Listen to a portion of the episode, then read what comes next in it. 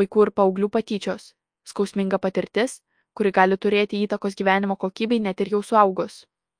Kaip reaguoti į patyčias, didinti atsparumą ir pasitikėjimą savimi bei kokį vaidmenį patyčių situacijose atlieka suaugusieji, atsako Aurelija Bučmytė, socialinė darbuotoja. TBRI pasitikėjimų pagristų santykių įgyvendinimo praktikė. Svarbiausia - nelikti vienam. Pasaka Bučmytės, patyčios Lietuvoje yra labai paplitusios, o išskirti vaikų grupės, iš kurių tyčiojamasi, beveik neįmanoma.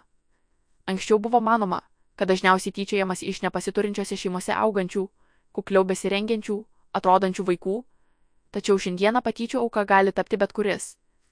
Specialistės teigimu, atsidūrus pačiame patyčių situacijos įkarštyje, vaikui labai sunku suvokti, kaip reikėtų reaguoti, kai jį žaidžia ir skaudina.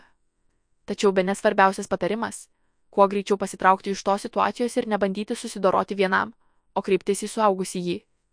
Kartais tėvai rekomenduoja duoti atgal, tačiau patyčių metu vaikui reikėtų nubrėžti ribą ir pasakyti, pavyzdžiui, kad man nepatinka, ką tu darai, ką tu kalbi bei atsitraukti. Ne vaikus reikia palikti pačius spręsti, o suaugę turi ateiti ir padėti vaikams spręsti patyčių klausimą. Teigia Bučmytė. Tokios pataktikos Abučmytė patarė laikytis ir internetinių patyčių atveju. Socialiniuose tinkluose ar kitur internetinėje erdvėje patyčias kurstančiam bendramžiui nereikėtų atsakinėti į komentarus, žinutes. Verčiau, anot specialistės, kreiptis į puslapio administratorius dėl netinkamo turinio pašalinimo, išsaugoti įrašų ar žinučių ekrano nuotraukas ir užblokuoti asmenį. Na, o tokiais patyčių kurstimo įrodymais reikėtų pasidalyti su žmogumi, kuriuo pasitikima ir kuris galėtų padėti spręsti susidariusią situaciją - tėvu, globėju ar mokytoju. Vaikas, kuris kursto patyčias, yra linkęs vis agresyviau tai daryti, jeigu nėra stabdomas. Tačiau jeigu įsitraukia ir vaikai, ir tėvai, ir mokytojai, ar, pavyzdžiui, socialiniai pedagogai, galima nesunkiai užkirsti kelią tokiems dalykams. Teigia Bučmytė.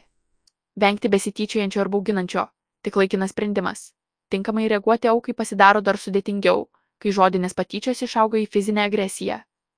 Tuomet, kaip pažymi specialistė, vaikui tampa itin baisu. Atsiranda grėsmė būti sužeistam ne tik emociškai, psichologiškai, bet ir fiziškai. Tokioje situacijoje labai svarbu suprasti, kad priešintis nėra tikslinga, nes paprastai tai būna neligia vertė kova. Dažniausiai būna keli vaikai, kurie užsipuola vieną. Todėl net jei vaikas užkliudomas, pastumiamas, jam svarbu nesustoti, eiti toliau ir rasti saugią vietą. Kalba bučmytė, taip pat pravartu stengtis eiti ne vienam, turėti draugą, paprašyti, kad jis palydėtų. Jeigu žinoma, kad patyčias kurstantys vaikai, pavyzdžiui, į mokyklą eina konkrečiu keliu, būtų išmintinga ir vengti to kelio. Na, o jei vaikas mato, kad jam neišvengiamai teks praeiti pro grupelę besityčiajančių ir bauginančių žmonių, svarbu kuo tvirčiau ir labiau pasitikinčių balsų pasakyti tai man nėra jokinga, aš noriu praeiti arba, pavyzdžiui, liaukitės ir nesustojant praeiti, tačiau tai nėra problemos sprendimas, tai tik padeda apsisaugoti, kol įsikiša suaugusieji ir situacija yra sprendžiama, akcentuoja specialistė.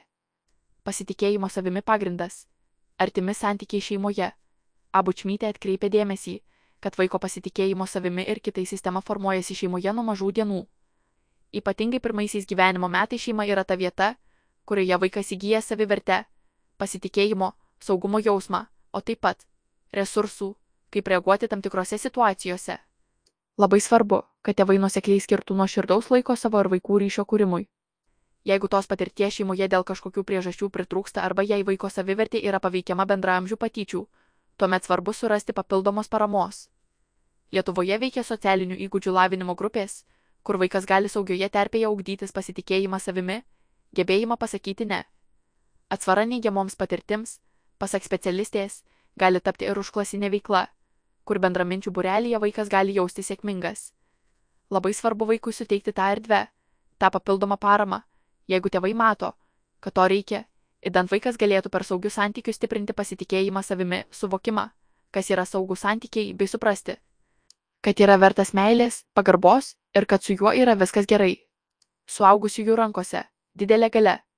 Kiek jis gauna tos paramos, palaikymo, tiek jis viduje turi resursų tinkamai reaguoti ir atstovėti sunkias situacijas, komentuoja specialistė. Svarbus, anot jos, ir bendramžių vaidmuo, madalis jų, matydami, kad iš kito tyčiojamasi, bijo patys patapti patyčių objektu arba prisijungia ir juokiasi kartu.